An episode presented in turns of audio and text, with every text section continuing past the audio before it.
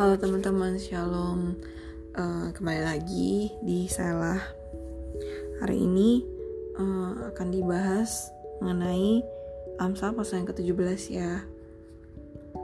Uh, apa yang aku dapetin di Amsal pasal yang ke-17? Di sini tuh uh, notice nggak sih kalau misalkan kita bisa Amsal yang pasal ke-17 ini, kita akan selalu dapet highlight atau poin tentang sesuatu gitu yang lebih ke highlight lebih ada spotlightnya gitu loh.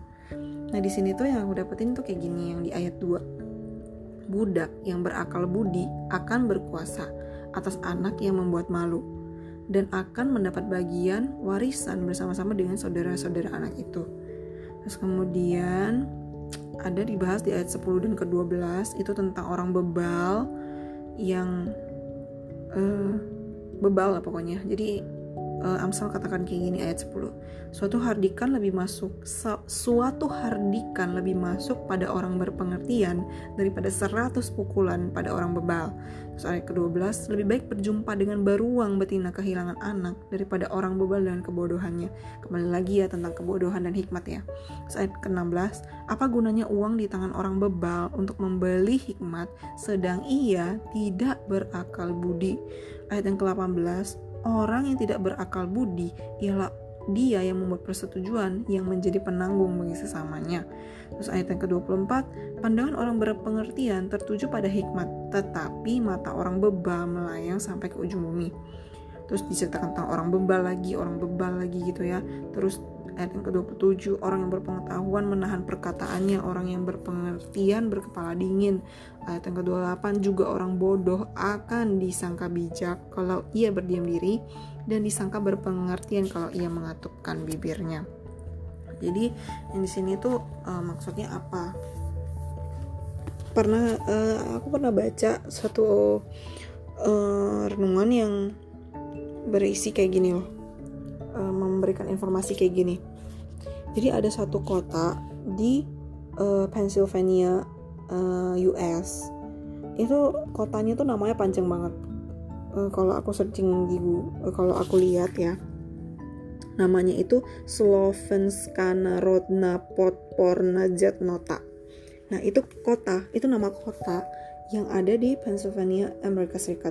Jadi, nama itu panjang banget ya, kayak susah banget sih ngomongnya gitu. Banyak sih orang-orang yang berfoto aku lihat teman-teman aku ada yang udah sempat pernah ke sana. Mereka foto di kayak stasiun keretanya itu ada uh, nama kota ini gitu. Ada nama stasiunnya tuh pakai nama kota kotanya itu. Ya nama kotanya Slovens karena Rodna Porna Jetnota gitulah ya.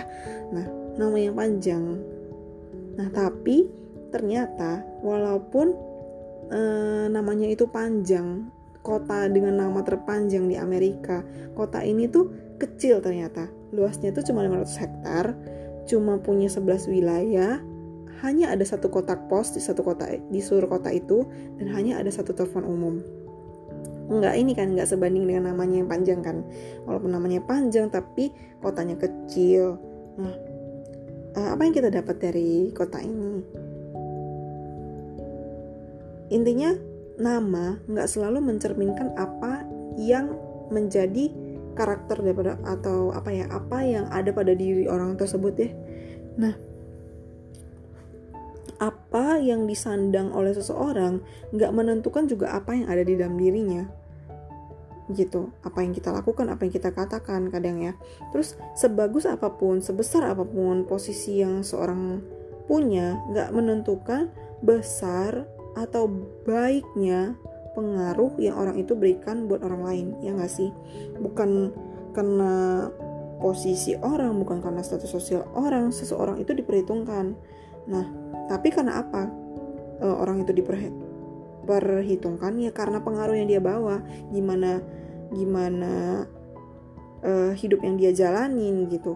Nah kata Alkitab meski seorang itu posisinya budak tapi kalau dia punya akal budi, maka dia diperhitungkan. Diperhitungkan dengan cara apa? Dia dapat warisan loh dari rumah tuannya. Wow banget gak sih? Nah, prinsip-prinsip itu ya sebenarnya yang harus kita ini teladani kayak gitu. sebenarnya bukan posisi tapi apa yang kita hasilkan dari dari hidup kita apa sih gunanya orang punya status sosial yang tinggi kalau sikapnya perkataannya nggak bisa bawa pengaruh nggak nggak berakal budi gitu loh sampai Alkitab katakan kayak gini orang yang berpengetahuan menahan perkataannya eh sorry sorry ayat yang ke-8 uh, iya ayat yang ke-27 orang yang berpengetahuan menahan perkataannya orang yang berpengertian berkepala dingin juga orang bodoh akan disangka bijak kalau dia berdiam diri dan disangka berpengertian kalau ia mengatupkan bibirnya. Jadi itu ya intinya. Maksudnya apa sih gunanya orang punya pendidikan tinggi tapi kalau sikapnya kayak orang yang nggak berpendidikan mending uh, dia diem aja. Kalau kata Alkitab katupkan aja bibirnya. Toh uh, kalau orang bodoh bakal disangka bijak kalau dia berdiam diri dan meng mengatupkan bibirnya sampai dibilang di Alkitab kayak gitu loh. Buat apa orang punya pendidikan tapi sikapnya kayak orang gak berpendidikan? Justru yang kasih apa kesan atau efek atau pengaruh buruk buat orang lain gitu. Lebih baik jadi orang yang kalau kata ini ya kalau kata Albert Einstein uh, kalau kata Albert Einstein ya lebih baik uh, jadi orang yang bernilai daripada orang yang sukses gitu. Jadi kalau kata firman Tuhan lebih baik jadi budak yang bijak daripada jadi anak tapi bodoh gitu gak sih? Kalau kita budak walaupun kita punya akal budi apa yang kita dapat? Warisan loh gitu jadi uh, firman Tuhan hari ini berbicara tentang itu. Thank you guys. Semoga memberkati